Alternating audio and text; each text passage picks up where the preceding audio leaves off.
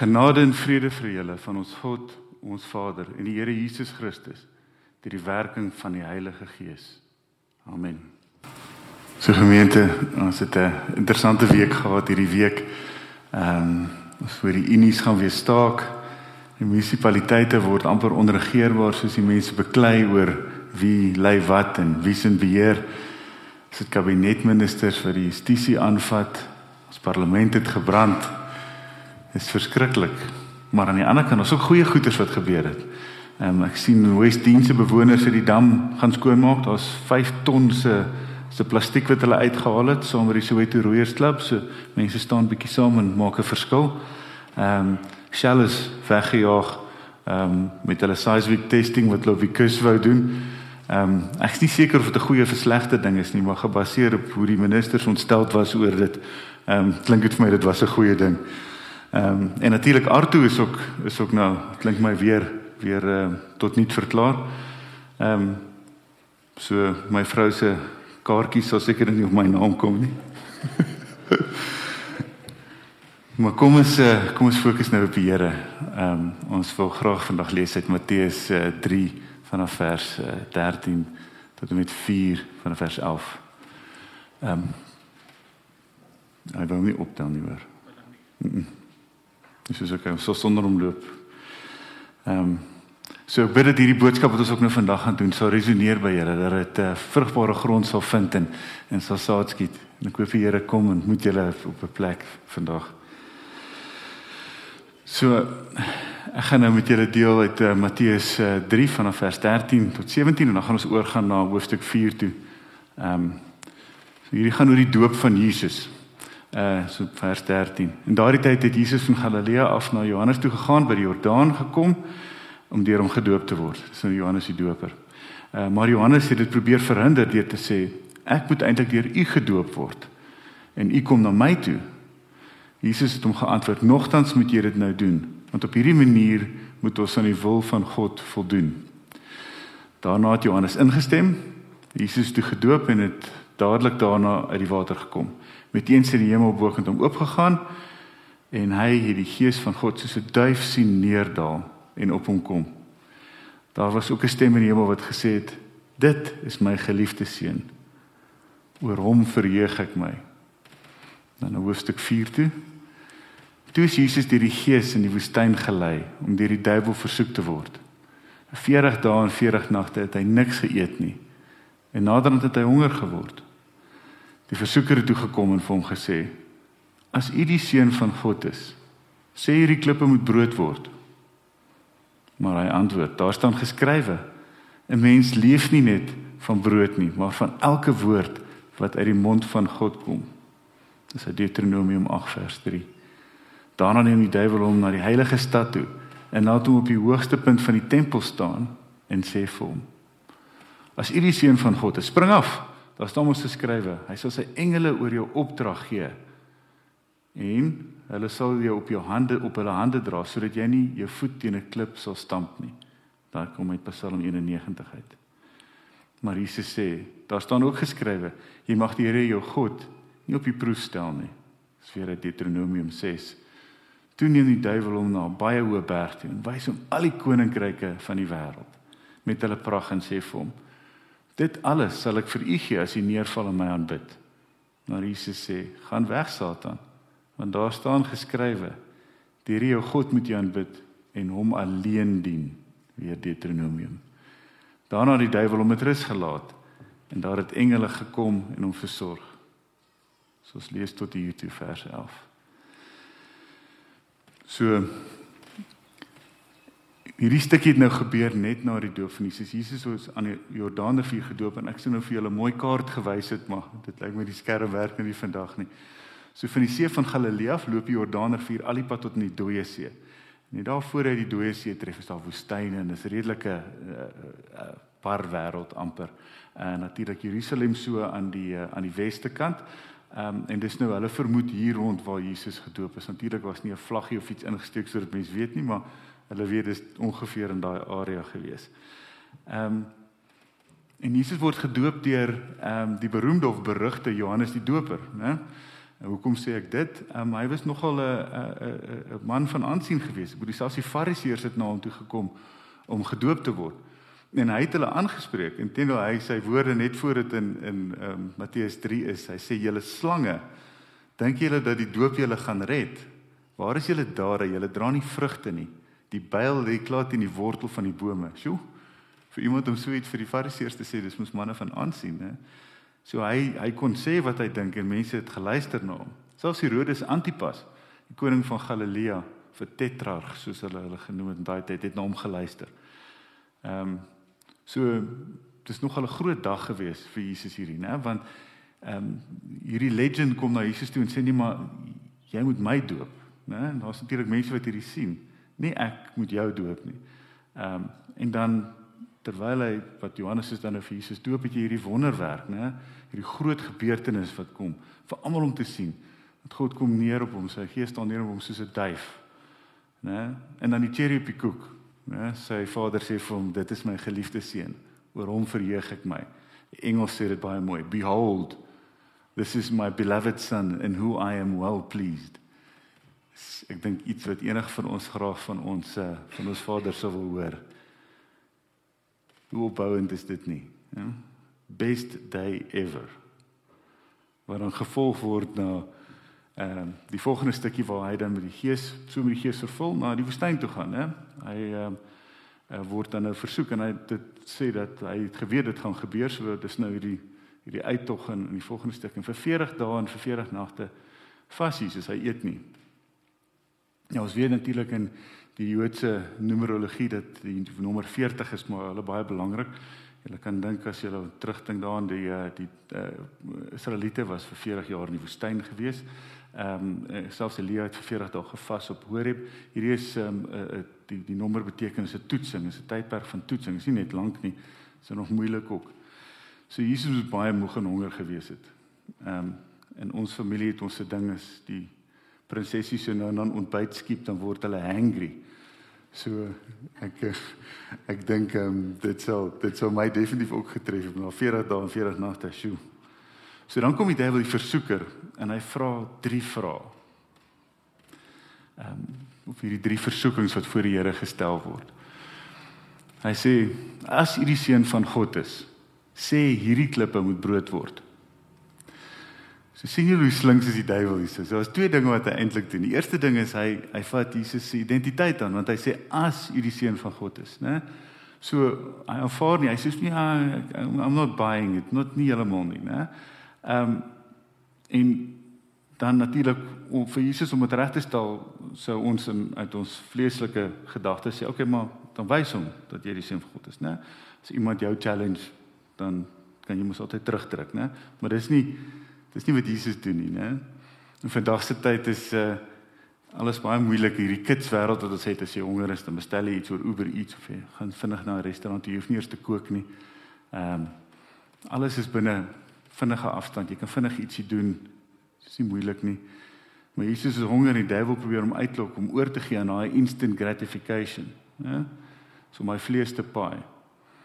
En die koning van die heelal het almins nie lank terug gesê dat uh, Jesus sy geliefde en awesome seun was nie, né? So hy was toe nou op 'n emosionele hoogtepunt gewees en nou ek dink hy's bietjie meer van 'n laagtepunt gewees. Ehm um, en hy kan natuurlik hierdie alles tot 'n einde bring, né? Hy kan dadelik dit laat stop deur hom natuurlik die klip in brood te verander of as die koning van die heelal kaviaar en couscous seker ook nie onmoontlik nie. Dit dit sou maklik wees. As die vlees, die vlees wil altyd 'n behoefte bevredig, né? As jy honger is, eet, as jy dors is, drink, hoeveel wel tot jy vol is. Of tot die kos op is. Smaklik om in daai lokval te val, die leemte in ons wat ons het, né, kan eintlik net deur God gevul word. Ons almal weet hulle het so mooi Engels woord, it's a God-shaped hole wat in ons is. En daai is so maklik in in ons gedagtes en mense sien dit ook in die wêreld waar mense dit probeer volmaak met ander dinge. Hulle maak dit vol met wat hulle dink gaan werk met drank en dwelms en ander dergelike middels. Maar niks maak daai leemte vol nie. Dis net die Here. Dis vir God pas. En sy woord inkom. En daarom kan Jesus sê, 'n mens leef nie net van brood alleen nie, maar van elke woord wat uit die mond van God kom. En dan sê die duiwel, "Oké, okay, reg so gaan jou vat na die tempel daar in Jerusalem op die heilige stad, na die tempel op die toring van die van die tempel van God. Ehm um, en dan sê hy maar as jy die seun van God is, spring af. As u die seun van God is, spring af. Daar staan mos geskrywe. Hy sal jou engele ehm um, hy sal sy engele oor jou opdrag gee en op hulle hande sal hulle jou dra sodat jy nie jou voet teen 'n klip kan stamp nie. Ja, so hy haal die Bybel aan, hè. Dis mos nou uit die woord uit. Ehm um, en weer eens soos julle hoor, hy sê as hy die seun van God is, hy val weer die Here se identiteit aan. En dan moet die Here natuurlik nou iets daaromtrent doen ehm um, weet 'n uh, uh, aksie neem wat aan die einde van die dag die Here gaan toets, né? En die duiwel is natuurlik slink so ek sê hy hy kwoteer maar valslik uit die Psalm en so hy gebruik nie die regte konteks vir wat die Psalm geskryf is nie. So hierdie is 'n taktik wat mense nogal baie sien ehm uh, van valse profete en leraars gebruik dit ook. En dit is iets waarvoor ons baie versigtig moet wees. Maar kyk hoe hanteer Jesus die konflik. Hy praat nie oor die verkeerde aanhalinge nie. Hy raak nie vasgevang vir dagmaking of wie's nou reg of verkeerd nie. Hy sê net in autoriteit jy mag nie die Here jou God op die proef stel nie. Hy accuse nie. Hy sê nie jy gebruik misbruik die Here se woord nie. Hy raak nie onbetrokke nie. So hierdie sou 'n aksie wees wat die Here sou moes toets, né? So gaan die Here my red as ek hier afspring. Nou ons weet die Here red natuurlik. Ons het genoeg gevalle daarvan wat ons sien waar die Here intree in ons lewens in en 'n verskil maak en baie wonderwerke doen. Maar ons moet eintlik ontsag hê vir die Here. Ons moenie verwag dat God party tricks gaan doen nie. So die duiwel haal die Psalm uit konteks aan en Jesus haal in konteks Deuteronomium 8 aan en sê jy mag die Here jou God nie op die proef stel nie. En die derde vraag Dan vat hy hom na 'n hoë berg en hy wys vir hom die die aarde in sy pragt. Miskien maar eintlik jy het verstaan dat dis rykdom en mag wat hy nou alles sien. En die duiwel sê dit sal ek alles vir u gee as u neerval en my aanbid. Dis nou glad nie meer subtiel nie, né? Daar was nie eers 'n toets van identiteit nie, dis sommer net ehm um, my duiwel dink nie is nodig nie. Dis 'n toets vir gierigheid en magsig as jy geld of mag wat jy het of as jy soveel geld of mag het dan jy moet hom beheer. Dan kan goed maklik wees. Dan moet almal na jou luister. Maar natuurlik ons weet power corrupts. Ons sien dit daagliks in die hele wêreld. Maar Jesus is nie hier om ryk te word of 'n koning uh te word wat dan nou oor mense uh, mag het en 'n weermag saamstel soos soos baie gedink het in daai tyd die Messias gaan wees nie. Hy het 'n baie belangrike doel en hy weet wat sy roeping is En daarom is die antwoord aan die duiwel maklik: gaan weg Satan. Want daar staan geskrywe die Here jou God moet jy aanbid en hom alleen moet jy dien. So, die interessante ding hier is al Jesus se aanhalinge kom uit Deuteronomium van uh, vanaf hoofstuk 6 en 8 uit. En dit is duidelik dat uh, Jesus die die Bybel redelik goed ken. Ehm um, en dit het natuurlik in staat gestel om om God se karakter ook beter te ken nie en ook die lens te kan sien en teen te staan met die waarheid. Baie keer het ons 'n duidelike gevoel vir wat reg en verkeerd is. En hierdie uh, is 'n voorbeeld waar ehm um, dit natuurlik gestel word in skrif. En dis natuurlik baie lekker as mens 'n gevoel het vir iets wat werk of nie werk nie, dat jy dit kan staaf met skrif. Dis powerful, dis kragtig. En dit bevestig nou natuurlik ook jou gevoel. So maar die les hier is vir ons ehm um, dat ons as die lewe moeilik raak of dinge is maar bietjie bietjie sukkelrig, dan moet ons nou ons laat hart luister en dan bevestig ons dit met skrif. Ons praat met die Here, ons bid. Kom ons kyk verder na die uh drie vrae en die toetse wat Jesus gekry het. Hy identiteitstoets. So hierdie toets is wie is jy, né? Dis hy trigger, hy lokval ehm um, sodat jy sal verlang na regstelling dat jy moet ingryp, né? Daai instant gratification wat ons doen. Ehm um, spot wat hy so hou my dop vas, né? Kyk wat gebeur nou. Uh, kyk hoe maak ek hierdie leemte vol. Kan ek iets nou kry eerder as om later te wag daarvoor? Miskien moet daai ou weer my challenge, né? Sy vinger op my bors druk, dan sal ons sien. Of ehm uh, miskien moet ek hierdie op die kredietkaart koop. Nie wag tot ek geld het daarvoor nie. Ek kan dit nou doen. Hoef nie te wag nie. Ek sê nie moenie spontaan wees nie, né? Daar is daar's goeie dinge in spontaniteit. Daar's niks fout daarmee op die laaste oomblik jou hart te volg en 'n lang naweek te vat nie en Ehm um, of om vir jou geliefde 'n liedjie te sing nie of om miskien 'n spandex Spider-Man outfit aan te trek en na jou kinders se skool te gaan en te skree I love you and make good choices nie. Ek sê dit omdat ek gedoen het so. Ek bely. Ehm um, of miskien om jou broer wat in Christus is 'n druk te gee en sê ek's lief vir jou, my broer. Dis mos goeie dinge daai. Dis lekker dinge. Dis spontaan. Dis mag gedoen. En hoe weet jy wat die verskil tussen daai spontaniteit en iets net dadelik vinnig doen? Né, hoe voel jy dag later? Né, as jy kans het om te dink daaroor. Om te voel, nie net emosies vir daai oomblik nie, maar voel jy lig, voel jy swaar of voel jy depressief? Die Heilige Gees sal daai oortuiging bring. So, wat is die antwoord op hierdie toets, hierdie identiteitstoets? Die Here sê vir jou, ja, jy's duur gekoop. Jy's precious, hy het jou lief. Hy het vir jou geweet hoe in jou moeder skoot aan mekaar gewewe is, soos Jeremia 1 vers 5. Hy het jou naam op sy handpalm gegraveer, Jesaja 49 vers 16. Dis nie 'n fout nie, dis nie 'n ongeluk nie. Hy het groot planne vir jou. En hy het vir jou gemaak vir hierdie tyd, vir nou. Hy maak tyd om by jou stil te staan 'n paar mooi ehm um, vergelykings daar op die muur. Duur gekoop, Christus se vriend. Dan die tweede toets. Die uh dis nou die toets gewees waar waar op die tempeltoring gestaan het en gesê het spring. Dis die toets eintlik waar hulle God se genade wil toets. Kyk hier, is mos lief vir ons, né? Ehm um, hy gaan ons mos red. So dan sou baie wat sê okay maar dan hoekom moet ek nou al hierdie moeite doen? Die Here ek hy moes my salig maak ek kies hom. Ehm um, ek sal by die Bybel uitkom, ek sal dit lees op 'n stadium, maar Jesus het klaar vir my aan die kruis gesterf. Dis moeite om elke dag die Bybel te lees, om my tyd te maak. Dis 'n besige wêreld vandag. Dis bietjie maklik om gou-gou TikTok te kyk. Ek skakel 'n bietjie af. Miskien Facebook net vinnig te loer, dit maak jy vriende. Ek sal dit nie lank doen nie dan gaan ek my Bybel lees of miskien iets iets meer prakties doen. Maar kom eens dan altyd by die Bybel uit. Hulle noem dit die rabbit hole, né, wat jy ingaan en dan volg jy die volgende klik en die volgende klik. Social media is mos verniet, né? Dit kos ons mos niks nie. Maar dit kos jou jou tyd. Daai duur tyd wat mens het. Wat mens nie tyd het vir al die dinge nie. Natuurlik was ander wat selfs die Bybel gebruik om 'n antwoord te staaf. Die buig het so bietjie soos dit hy soos wat ons nou sien die duiwel gedoen het met Psalm 91 dat dit net so bietjie meer pas in wat jy wil hê moet moet gebeur. So die fariseërs het dit gedoen dat dit werk. Of miskien soos die mense die prosperity gospel gryp, hulle vat die stukkies wat daar is en hulle haal dit uit konteks aan. Gryp vir dan 'n hiërargie en as jy mos beter as ander. Ons weet dis nie die Here se woord nie. En hoe weet ons dit? Want die vrug wat jy dra gee jou weg, soos Johannes die Doper in my eerste stukkie gesê het in in Matteus. Want hy ook vir die Fariseërs sê waar hulle gedoop word. Paulus noem dit in Galasiërs 5 vers 20.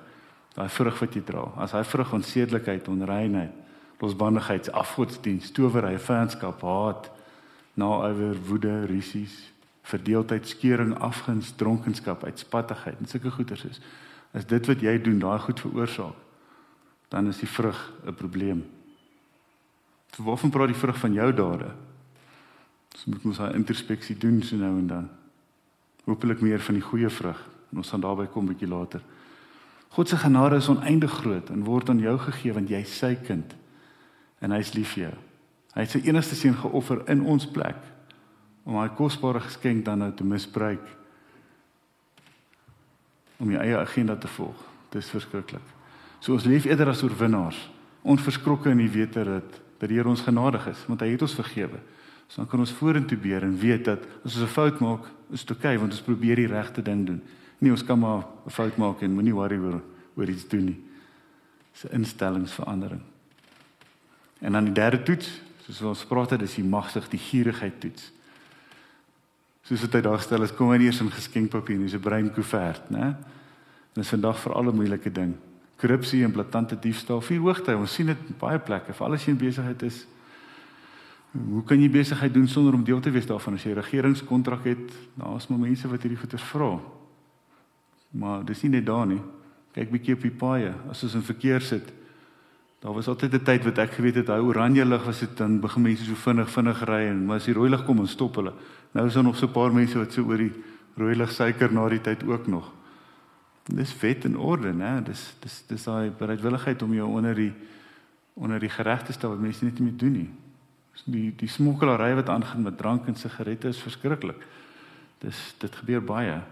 En hierdie mense sê maar ek dien mos die Here.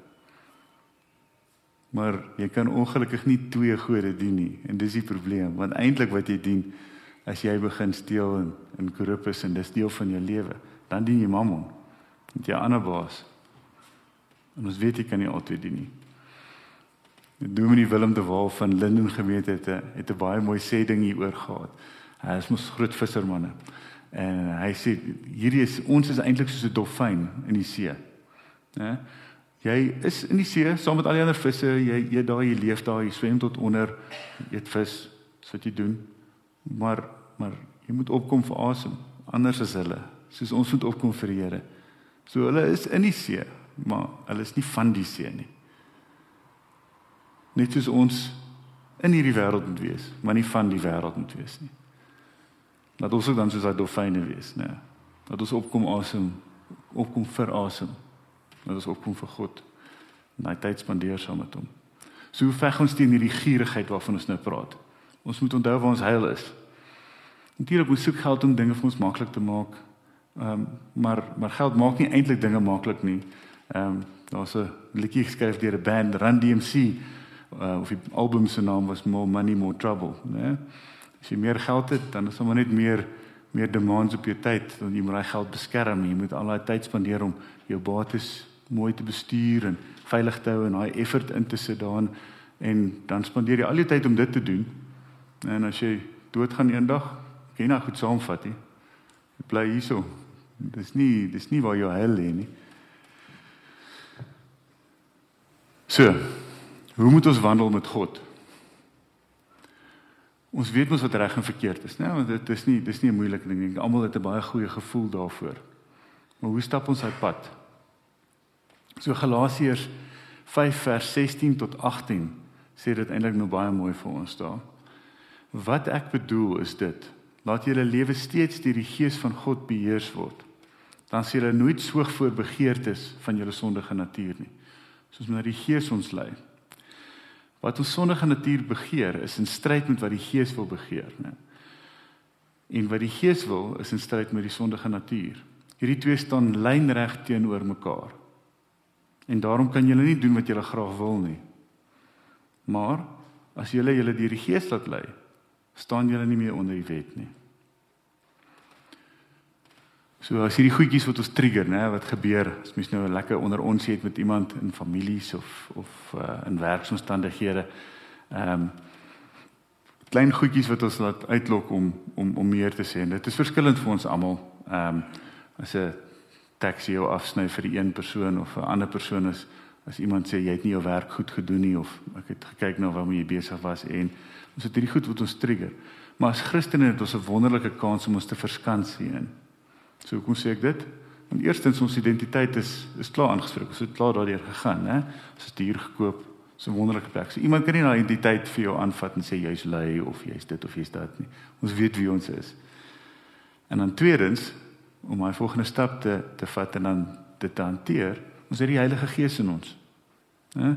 En as ons dit as ons ons laat beheer deur die Heilige Gees, dan sal ons nie hiervoor swyg nie.